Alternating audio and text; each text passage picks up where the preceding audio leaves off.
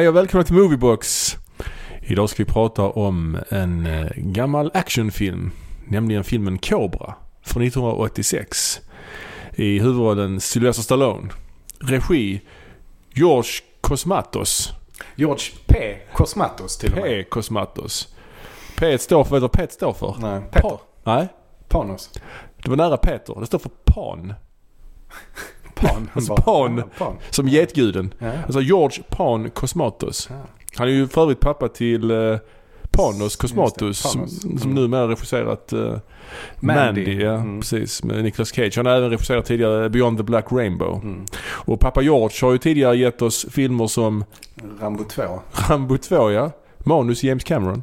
Ja. Och även eh, Tombstone, westernfilmen med Kurt Russell och uh, Val Kilmer va? Mm. Och en massa andra. Men han har, det som är intressant är att han har faktiskt inte gjort så himla mycket. Eh, Cosmatos. En tiotal filmer ungefär Mm. har han regisserat. Men han, det konstiga med det är ju att han ändå känns som, som en eh, director for hire. Lite grann. Mm, verkligen, verkligen. Eh, men att han ändå har gjort så pass få filmer tycker Ja jag. och sen också att han är, från, är italienare också, han är från Florens. Ja, ja precis. Han är, ja men han har grekiskt påbrå också. Ja precis. Gift med svenska också. Mm. Keramiker. Svensk Mm. keramiker. Birgitta. Birgitta Cosmatos. Mm. Mm, ja men så är det. Ja men den här Cobra-filmen den, den är ju lite grann den här typen av filmer, det är ju lite grann det där vi har tagit vårt namn till den här podden ifrån också. Ja kan man säga. Den, den eran av eh, liksom filmer som eh, man kunde hyra både film och en eh, moviebox. Precis. Den här filmen kom 1986 så det var ju verkligen eh, mitt i smeten så att säga. Mm. Mitt i 80-talet. Och eh, den är ju producerad av eh, det, eh, vad ska man säga, kan man säga legendariska Ökända kan man säga. kända bolaget Canon Films. Eh, som har tidigare producerat en massa andra eh, actionfilmer Mm. av olika varierande kvalitet. Ganska låg kvalitet ofta men ändå en del kultklassiker kan man ja, säga. Absolut. Mycket med Chuck Norris och Ja. Van Damme. Och American Ninja har de också gjort tror jag va? Och, eh, Men man kan väl säga att de, eh, Canon Films, de var ju på toppen av sin, eh, inte karriär, men, men det gick som bäst för bolaget vid den här tiden. ja. Och de ville ju utöka, alltså de ville ju bli ännu större. För att de, Mm. de hade ju fokuserat på att göra snabbt och billigt och enkelt göra B-filmer som, Ja. som de kunde tjäna pengar på. Precis. Det var ju deras idé. Men här nu ville de ju ta nästa steg att bli ännu större. Och blir- därför så knöt de då ett kontrakt med Stallone eh, Ja. om att göra tre filmer. Vi kan säga det också att bakom det här bolaget var ju två israel, israeliska gubbar som hette eh, Menahem Golan och Joram Globus. Ja. Kallade, också kända som The Go-Go Boys. Golan, Glob, Golan Globus. Ja. Ehm, Men de skrev kontrakt med Stallone. Mm, de skrev kontrakt med Stallone eh, och det blev tre filmer också. Det blev Cobra som var först ut och sen så var det Over the Top. Eller kom Over the Top innan? Mm. Ehm, och den tredje var i alla fall Tango and Cash. Eh, men det man, kan, det man kan säga var ju också att de hade inte riktigt täckning för detta. Eh, för att Stallone ville ju ha rätt mycket pengar. Han ville ju ha rätt hög lön för den. Ja. Eh, Så att därför så klarar de inte att producera den här filmen själva. Så att de tog hjälp då av Warner Brothers. Mm. Eh, Så de, de delade på produktionen. Och den här filmen den blev ju en, eh, liksom en, en ganska massiv succé.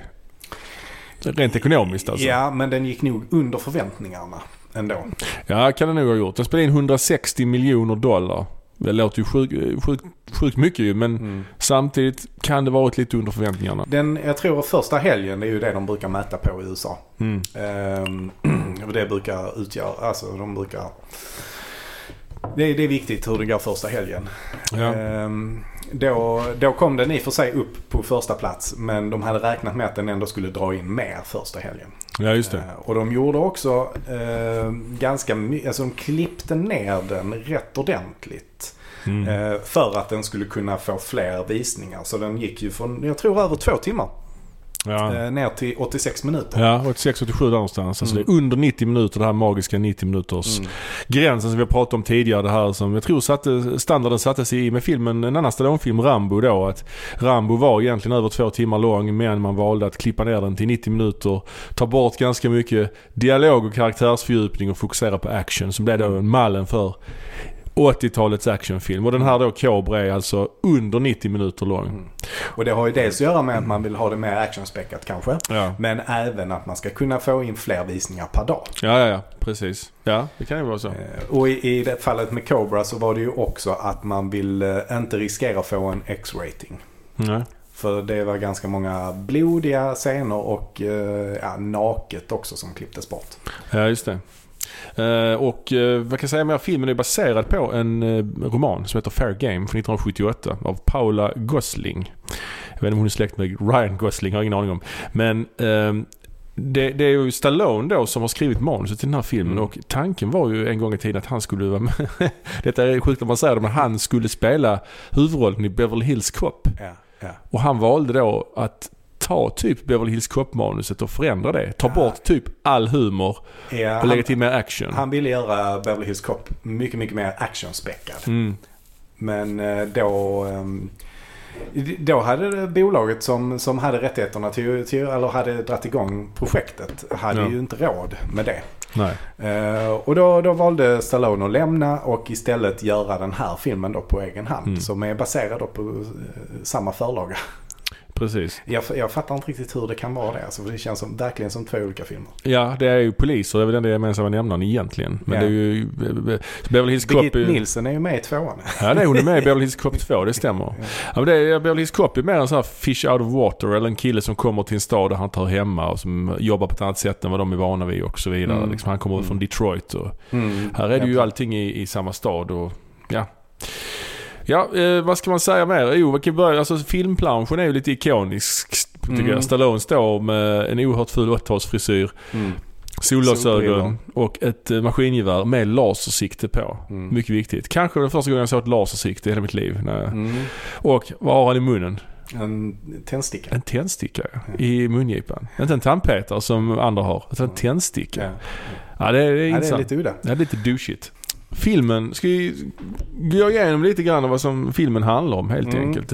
Vi kan, vi kan ju säga det att Stallone då, han spelar ju då Marion Cobretti.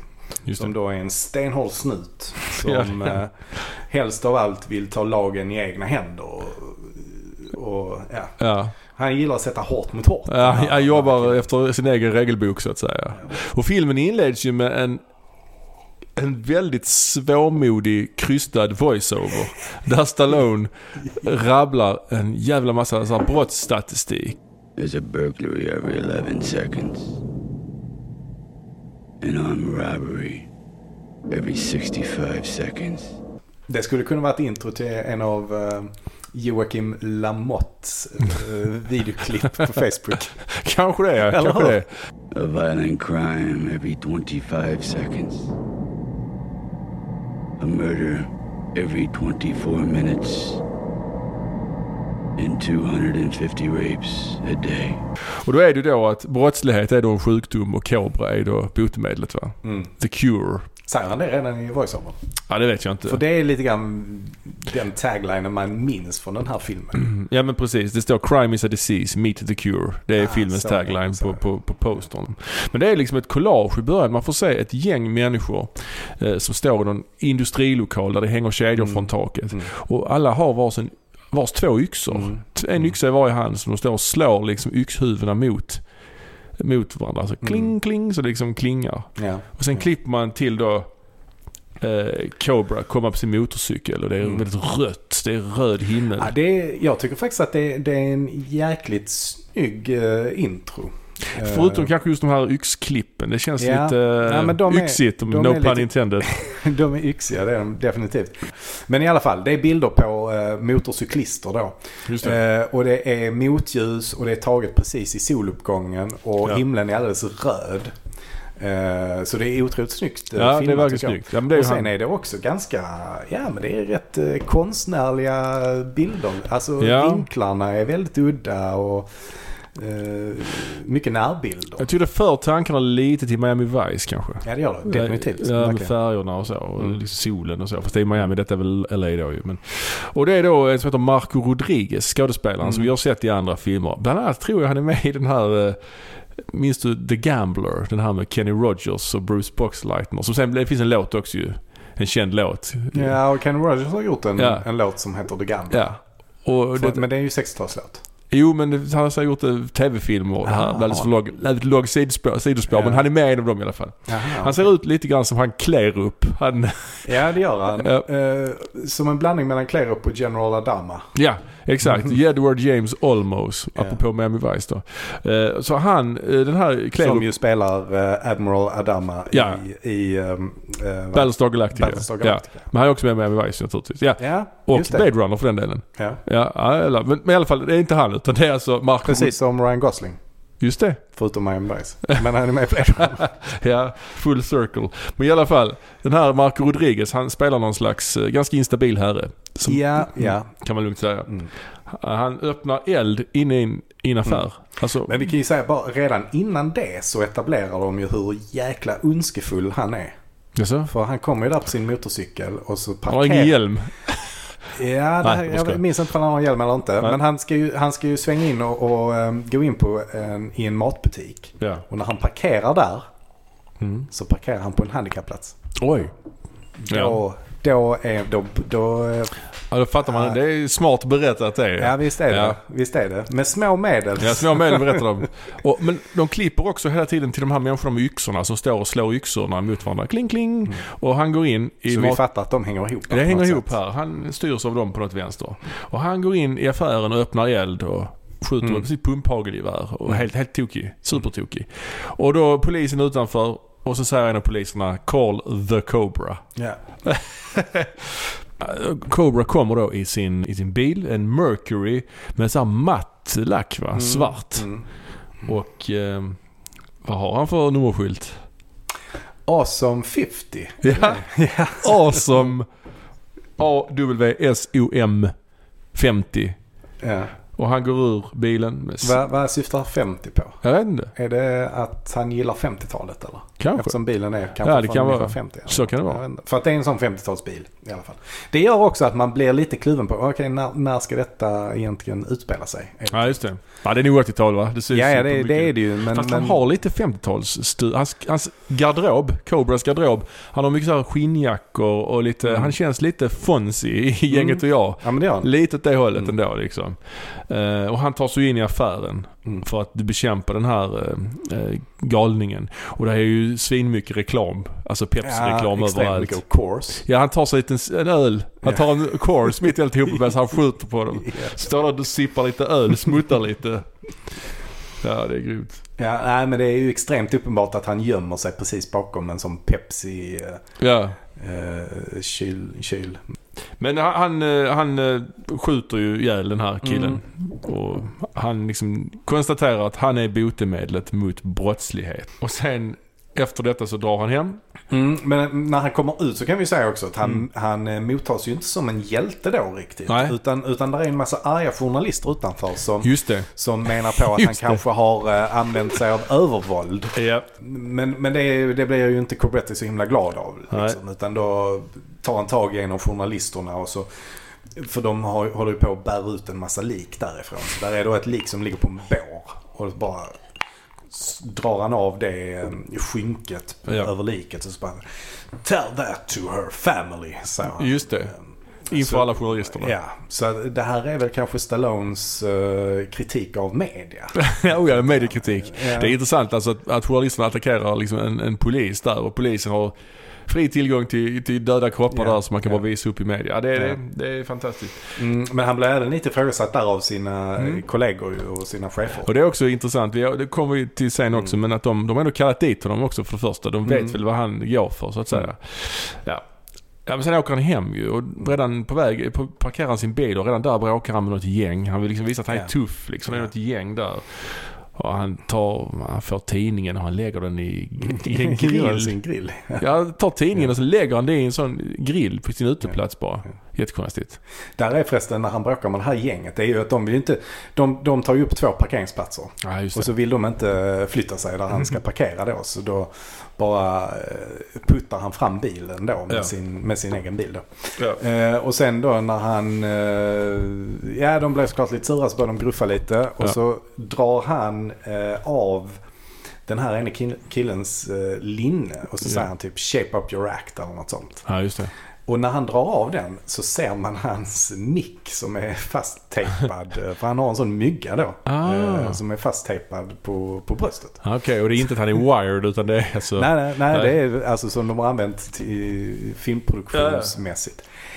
Men det är ju jättekonstigt tycker Ja, jag. Hur fan kan de ha missat det? Alltså det måste ju stå i manus. Eller har Stallone bara improviserat och dragit sönder hans linne där? Ja, ja, det är jätte, ja, det är jättekonstigt. Ja, det är, det är lite udda. Men det säger väl lite om den här produktionen. Att det kanske inte, allting kanske inte har varit så genomtänkt i den. Nej, det är väldigt mycket så close-ups för Mm. att dölja, liksom, känns det som. När det är Mm. actionscener kör de mycket närbilder för att dölja bristerna i produktionen, känns det som. Mm. Elaka tungor säger väl också att Stallone tog över ganska mycket av regiuppdraget Ja, från verkligen. Eh, de säger ju att eh, ja, alla scener där Stallone är med, vilket ju är de flesta, Oh ja. eh, så är det han som har regisserat och Cosmatos har mer varit, eh, ja, jobbat med kamerorna och sånt. Ja, precis. Men han, han, han går- kommer hem till sin lägenhet. Bor, han bor precis vid stranden ju. Mm. Mm. Och då sätter han sig och ska göra, göra rent sin pistol så, som man gör. Har han fortfarande på sig, på sig skinnhandskar också hela Ja, tiden. han. Svarta skinnhandskar. Det är ju Han käkar LA. pizza med Ja, skinn- och, ja, precis. Han tar fram en pizza. Mm. Och där gör han ju någonting som jag tänker på. Kanske det mest viktiga den här filmen har, har liksom... Den här filmens, det mest viktiga med den här filmen händer i den här scenen. Han har en pizza han tar fram. Jag tror Ja. pizzan står redan framme när han kommer hem för övrigt. Och vad gör han sen? Han öppnar pizzakartongen, men vad gör han? Han gör något, alltså något fundamentalt, något monumentalt. Vad är det han gör? Um, han tar fram en sax Ja. och liksom klipper pi- pizzan med saxen. Han klipper pizzan med sax. Ja. Och det är det alltså, Jag har aldrig sett det innan. Har du Det inte? var första gången, alltså när jag såg filmen första gången hade jag aldrig sett det innan. Nej, det hade inte jag Nej. heller då. Men, men idag är det ju en lite, Ja. lite trendigt kanske. Är det trendigt? Det finns en del eh, av de här lite hippare pizzarestaurangerna. Ja, det stämmer. Jo, men, men ja absolut. Men det finns ju också några pizzadelar och så. Det är saxen som är liksom... Det är verkligen ett paradigmskifte. Alltså jag, jag har aldrig sett det, jag har aldrig sett det innan. Och det, det är intressant är att varje gång jag klipper en pizza med sax, vilket jag gör varje gång jag äter pizza, när jag beställer hem pizza så är det har du gjort det ända sedan dess eller? Ja, inte sen dess kanske, men jag... Ja, jo men eller kniv och gaffel kan man också göra, men när man ska snabbt dela till barnen och sånt så klipper jag det med sax. Och varje gång jag gör det... Du är alltså ingen slice-kille?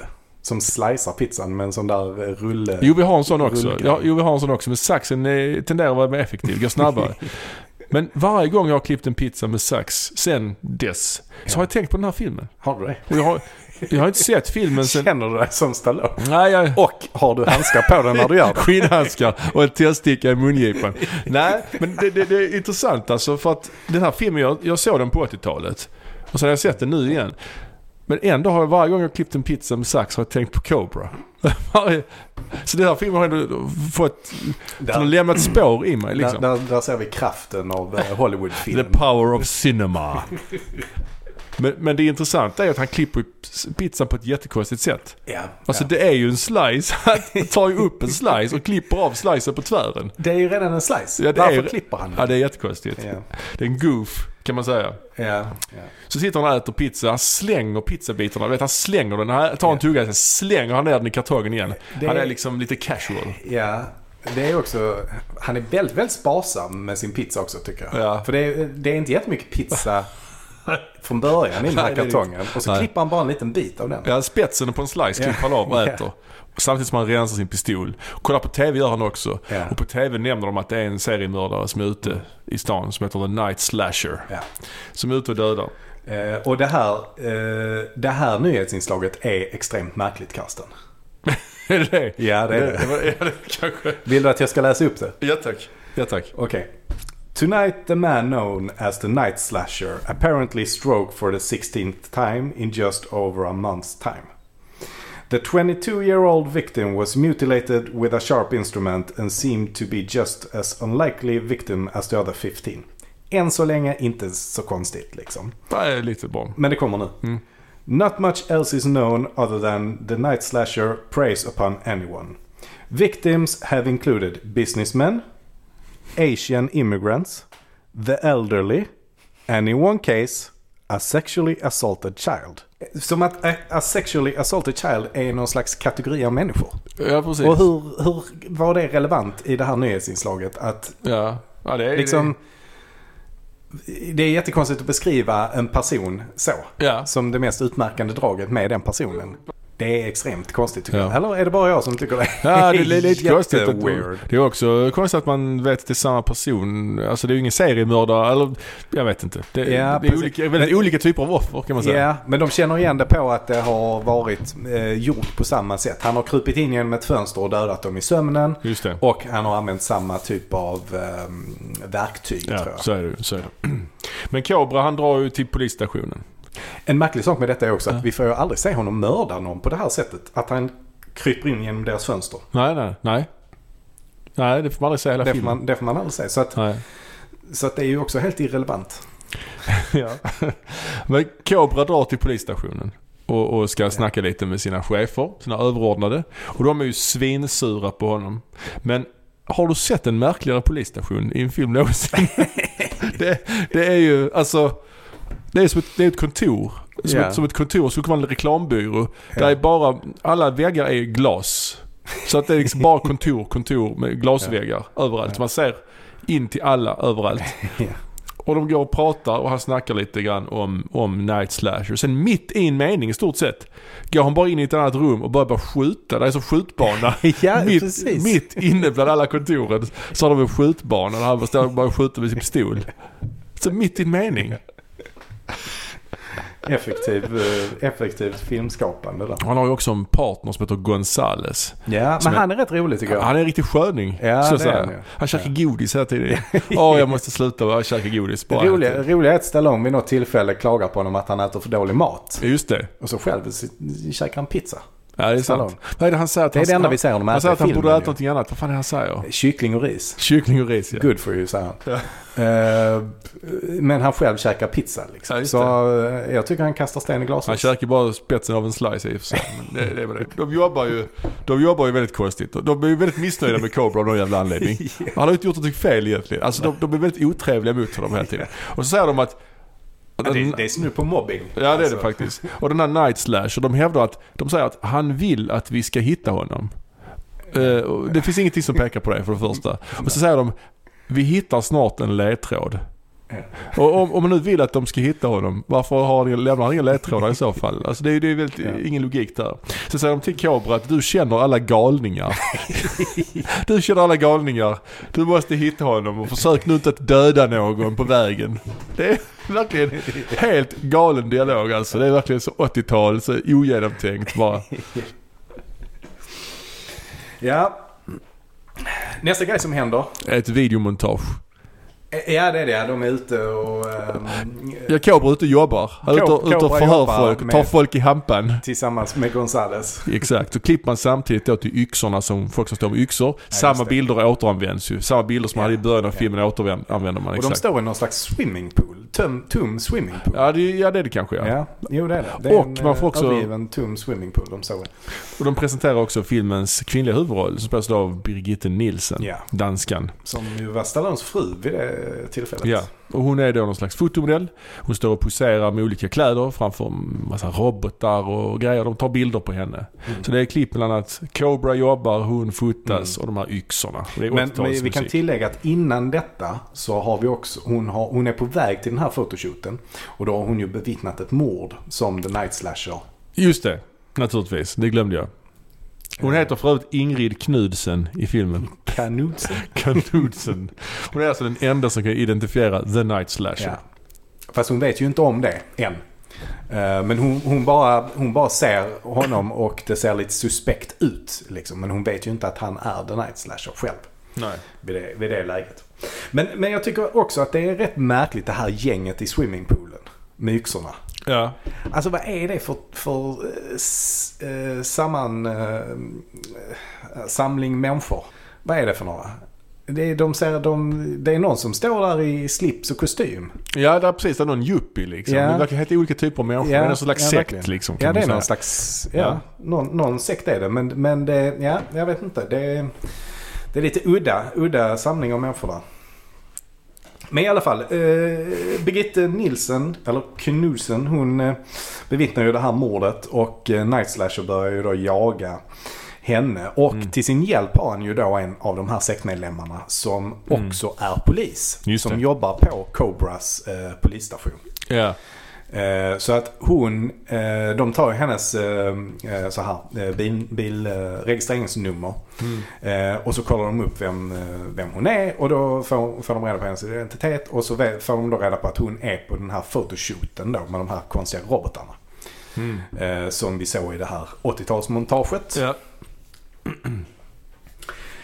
Så att då beger sig Night Slasher Company till eh, liksom parkeringshuset där Ja, just det. i den här. Och så börjar de ju då attackera henne. Ja. Eh, Och dödar då fotografen. Och eh, de Just jagar henne. Men hon, hon lyckas undkomma va? Eller hur? ja, precis. Och då sätts hon väl under övervakning, under bevakning. Ja. Och då blir det då Cobra som, eh, som är den som får beskydda henne. Och han kollade ju upp lite i sitt eget, han har ett eget datorsystem hemma också. Cobra Ja, det hade man inte det på den tiden. Detta är ju innan internet och så vidare. Men han har ändå det. Det är Ja. perfekt. Ja. Och sitter han där och knappar. Ja. Försöker hitta ledtrådar med en tändsticka i mungipan. Ja. Det går sådär, får man säga. Ja, kan man säga. Hon ligger på sjukhus och då, Ja, och då, då eh, kommer ju Night Slasher dit också. till sjukhuset. Till sjukhuset Exakt, ja. Så är det. Eh, maskerad med glasögon. Mm. Precis Mm. som Clark Kent. Just det, just det. Känner ingen igen honom. Ja. det. Hon klarar sig där ju. Mm, hon klarar sig. Och... Eh, Och eh, då för att beskydda henne så, så bestämmer sig Cobra och eh, Gomez, heter han så? Nej. Ja, Gonzales. Gonzales. ja. Eh, de kommer då på att ah, men vi, vi måste sticka ut på landet. Mm. Där kan vi skydda henne lite bättre. Precis. Eh. De vet att det är någon på insidan också. De känner att det är någon, det måste vara någon som är på insidan. Som Ja, är, de ja. känner det på sig. Men, men de, de har ju också väldigt dålig känsla för vem det är. För eh, den, den fjärde personen som följer med den här eh, trion Mm. är ju den här eh, poliskvinnan Ja. som också är med i sekten. Som heter Stark för Ja, övrigt just i efternamn. Det är lite roligt. ja. Eh, och det blir en, på, på väg ut på landet så blir det en jävla biljakt ju. Ja, precis. Mitt på ljusan dagen också. Ja. ja, det är precis när de lämnar eh, Ja. polisstationen och ska åka ut dit. Och då blir det en biljakt. Och den biljakten tycker jag faktiskt är en av de eh, bättre. I filmhistorien. I filmhistorien. Nej, inte filmhistorien. Men det, det är en av, en av höjdpunkterna i filmen tycker Ja, jag. ja, ja. Men det är också så att han skjuter på en bil, ett skott så sprängs bilen. Det är Ja, mycket, det är mycket det. sånt 80-talstänk. Men, Ta, en tankbil som sprängs också i slow motion ju. ja. Eller ett par stycken kanske till och med. Men där är, en, där är en jäkligt cool grej. Mm. Som ju ehm, man har sett i andra exempel eh, efter detta. Mm. Och det är när, när bilen då, eh, eller eh, Cobra kör och så är det en bil bakom. Och då svänger Cobra runt 180 grader så att Ja, ja. han backar. Ja, ja, ja. Och eh, skjuter då den bilen som jagar med en hand. Så att den bilen sprängs. Jag tror Tom Cruise gör något liknande i Mission Impossible 2 kanske. Med sin motorcykel. Ja, och det finns även med i uh, Die Hard with a, with a Vengeance. Aha, okej. Un, ungefär samma, samma grej. Den har jag inte sett på några år. Nej, nej, så är det ju såklart. Eh, men men, men den, den, hela den sekvensen tycker jag är ganska kul. Men- Sen är den ju inspelad på hur många olika platser som helst. så att det, det makes Ja. no sense var de är någonstans. Nej. Men, men det är coola scener. Men det är också intressant här. Det, det, logiken är lite haltande här. För att det är ju så att hon kan identifiera The Night Slasher. Mm. Så är det ju. Mm. För att hon inte ska göra det så ska de ju döda henne. Och då Mm. skickar de en hel armé Mm. av människor efter. Mitt på ljusan dagen i en biljakt. Vilket innebär att i så fall om någon av dem blir dödade så blir de lätta att identifiera. Ja. Så att de exponerar sig själva ännu mer genom att skicka ut 30 pers till. Ja. Istället för Ja. att hon kan peka ut en så kanske nu potentiellt kan peka ut 30. Så det är ju lite... Ja, Och sen det- det- ifrågasätter hans chef också honom. Hur vet du att det är fler än en? Ja, det var precis en biljakt med 30 pers som var efter mig. Jag vet att det är fler än en. De har liksom inget förtroende. Ja, det är lite tankevurpa där. De säger också till honom att det är idiotiskt att ta med henne Ingrid. Ta henne utanför stan är idiotiskt. Varför är det det? En annan Ja. sak också är ju intressant eh, som vi kanske inte tänker på. Att detta är faktiskt en julfilm. Ja, det är det. Det utspelar sig den- på julen. Ja, Mycket julprydnader och sånt mitt i det här varma det- LA-vädret. Och eh, om vi ska vara inne på det här eh, produktplaceringsspåret så Ja. är det ju reklam för Toys R Us också. Ja det är det ju först När innan kollar på nyhetssändningen. ja, nyhetssändningen. Så är det Pepsi och Coca-Cola också. Jaha, I samma film. båda? Ja, Wow. och Miller då och Coors. Ja. Så det är alla drycker man kan tänka sig. ja. Ja. Det var kanske så att Canon hade ett avtal med Pepsi och Warner Bros med Coca-Cola. Ja, de drar ut på landet i alla fall och där är ju massa... Alltså dialogen är ju skrattretande liksom. Mm. Eh, han är ju med i något, alltså Cobra han är ju med Där är det lite mysiga scener också när de är ute på landet. De går på någon sån loppis och sånt där. Och ja, ställer och tittar på någon sån där baseballgubbe. är. ja. Och sen börjar han prata om att han är bra på att fånga psykon. I'm good at catching psychos. Och, eh, men han är med, i- alltså de kallar sig, hans, eh, alltså polisdivision kallas ju för The Zombie Squad. Mm. För de liksom jobbar väl hela tiden och sover Mm. aldrig i stort sett och fångar psychos. Så, ja, men de är ute på nätterna tror jag och får Ja, psychos. precis. De nämner också då, som en liten foreshadowing här, att de är i, ute på landet i ett järnbrukssamhälle. Hon säger det. Ja, ja, ja. Att detta är ett järnbrukssamhälle. Ja. För det kommer att återkomma lite senare i filmen då. Ja. Och sen har vi, eh, ja de tar in på motell. Hon Mm. kan inte, hon vaknar mitt i natten, kan inte sova. Då är Mm. Cobra, han är fortfarande, han är vaken ju. Ja, ja, Han sitter ja. och meckar med sitt maskingevär. Det mitt är, där, det är där han sätter på lasersiktet också. Just det, han etablerar det, Mm. det ikoniska lasersiktet då som han sen använder mycket. Mm. Och då kommer ju de, sekten, kommer dit på motorcyklar. Och det blir en Hela shootout. klabbet kommer. Men som sagt, återigen vad är poängen? Hon kan ident- identifiera en person men de som ska döda henne är ju helt kassa. Ja. Så de dör ju som flugor vilket också gör att de blir identifierade antagligen då. Ja. Ja det är... eh, Ja. Sen så hamnar de i någon slags fabrik. Någon stålfabrik. Ja ett stålfabrik, just därför, därav järnbrukssamhället. Ja. Det är liksom en, en stålfabrik, stål, stålverk. Ja, precis. Och det blir en fight där mellan han och The Night Slasher. Mm. Ja, först dödar han väl alla, alla i sekten tror jag. Ja, Och- till och med hon den här kvinnan då, tror man. Ja. Man tror ju hon dör också. Stalk. Ja, precis. Han skjuter henne så hon trillar ner liksom. Mm. Eh, och sen så blir det då en slutuppgörelse med The Night Slasher. Ja, han tänder eld på en snubbe också för, övrigt. Ja, och säger han you have the right to remain silent. Tänder eld på det. ja. Men The Night Slasher han håller också en konstig monolog med ganska haltande logik också.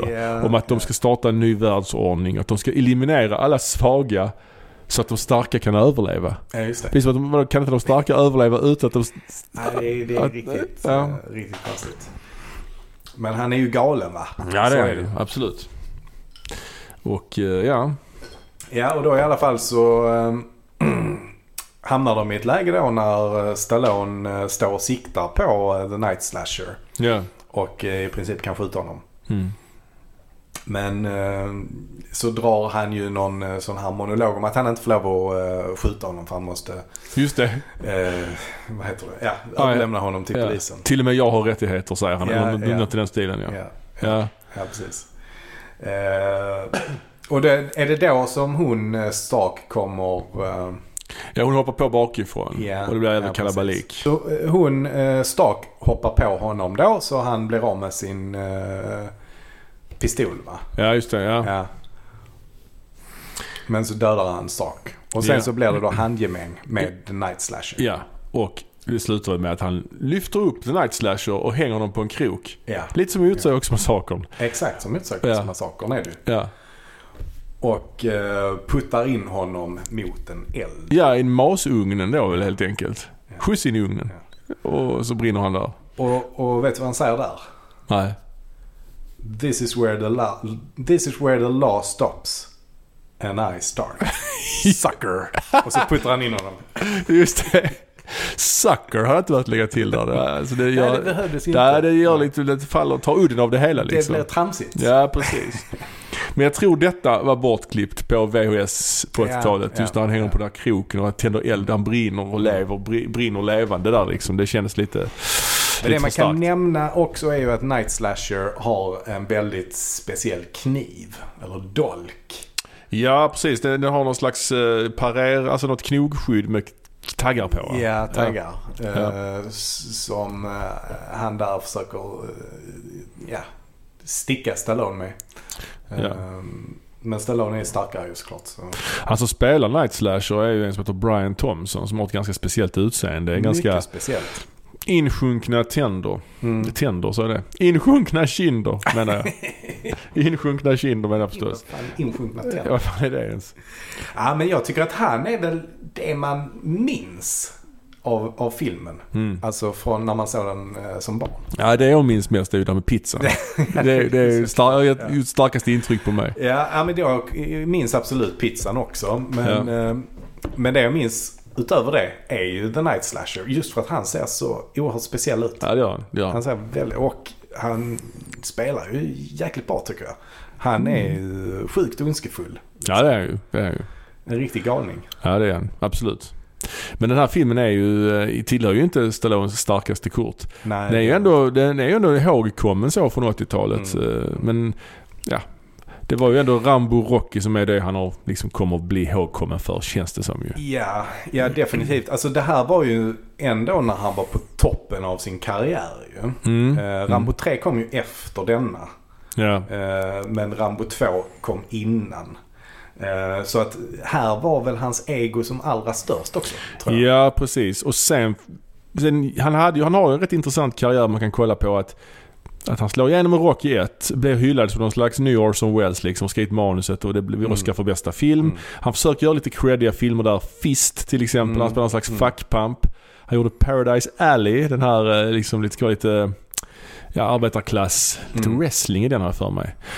Och sen, sen började han göra Och Rocky-uppföljare. Nighthawks gjorde han Nighthawks där, också, ja. eh, Med Rutger Hauer. Ja. Och sen började han göra massa Rocky-uppföljare. Mm. Och han, han gör då Rambo First Blood som första filmen ändå är lite, lite mer lågmäld. Ja, Även om den ja. har rätt så Mm.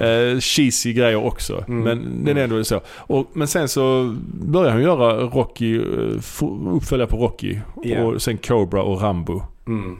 Men sen vill han ju göra- testa någonting nytt och börja göra Mm. komedi och Ja, då går det ju åt precis. helvete. Han Oscar och Oscar. Äh, Stop, nej, Or my, uh, stop or my mom will shoot. Eller Just det. stanna annars skjuter morsan skarpt. Just det, just det. Det gick ju riktigt uselt. Ja.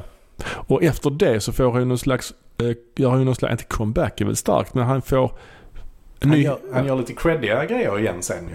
Nej, först, nej, men först gör han ju f- fler action hits. Han får gör cliffhanger. Just det, han gör hit. comeback där. Ja, och sen gör han eh, den här Demolition Man som också, Mm. och, och sen gör han Judge Dredd. Judge Dredd som inte blir sådär, men ändå liksom en, en, en storfilm.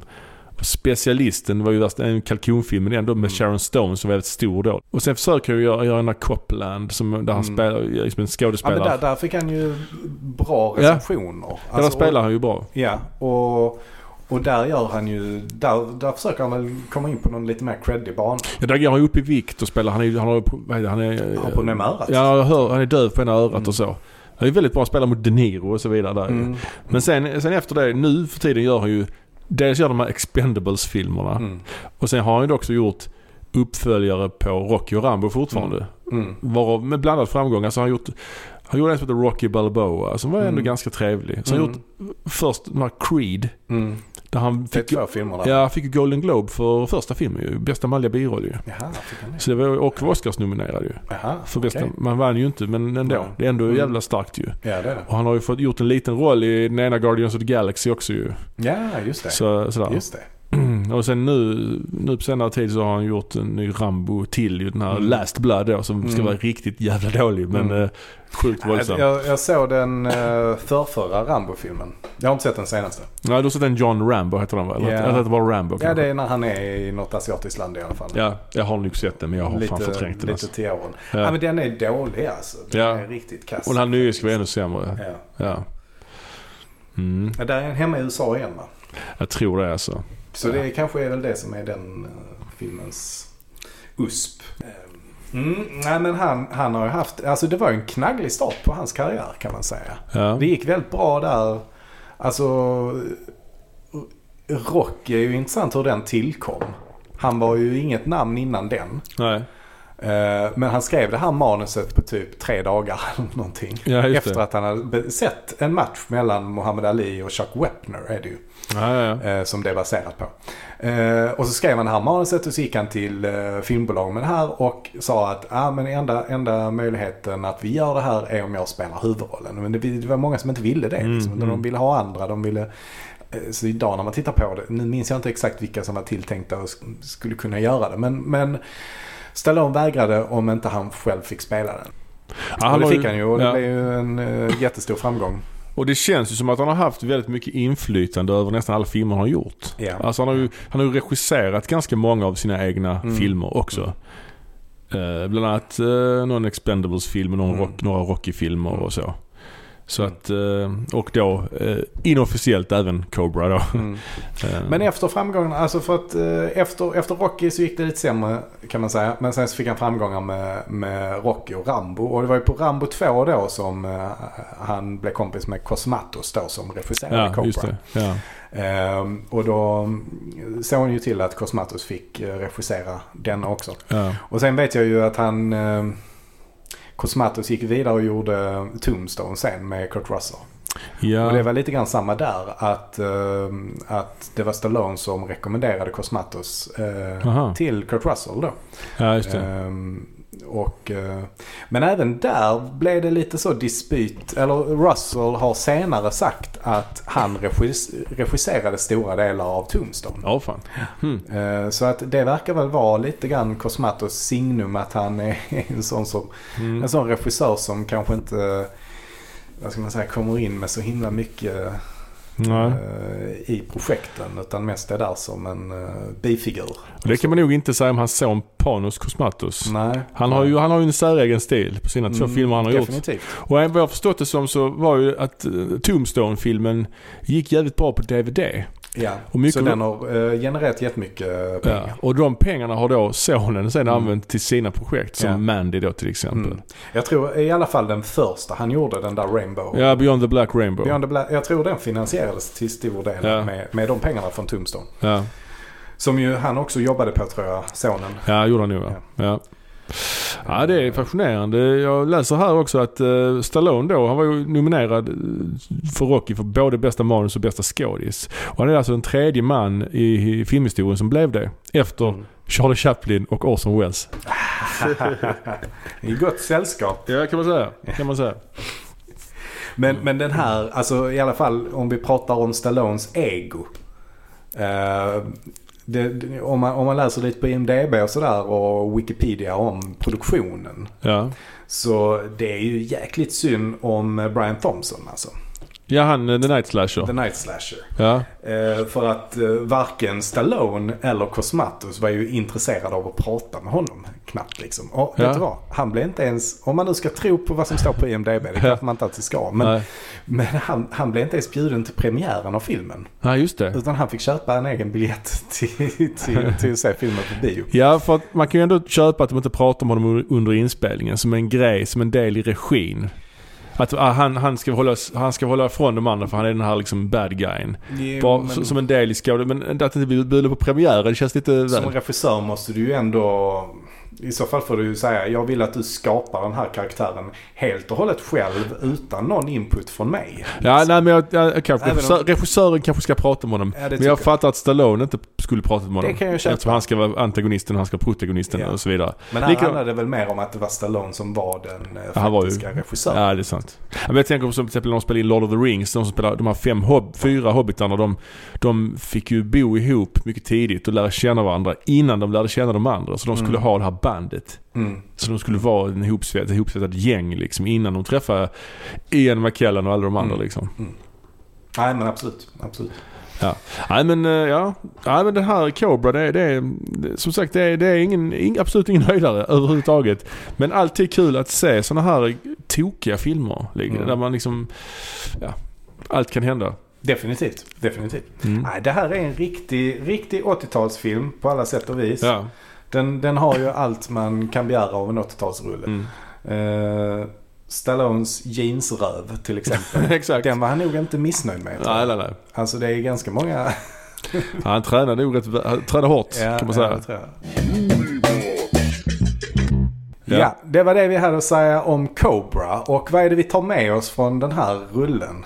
Det vi framförallt tar med oss är att om ni någon gång beställer pizza, vilket ni antagligen kommer att göra, så kan jag verkligen rekommendera att dela den med sax. Det är den enklaste, mest effektiva metoden faktiskt. Det har Stallone visat. Det har Stallone visat oss. Det har han gett oss. Ni har hört på Moviebox. Eh, hör oss igen. Tack ska ni ha. Tack. Ha det bra. Hej, hej.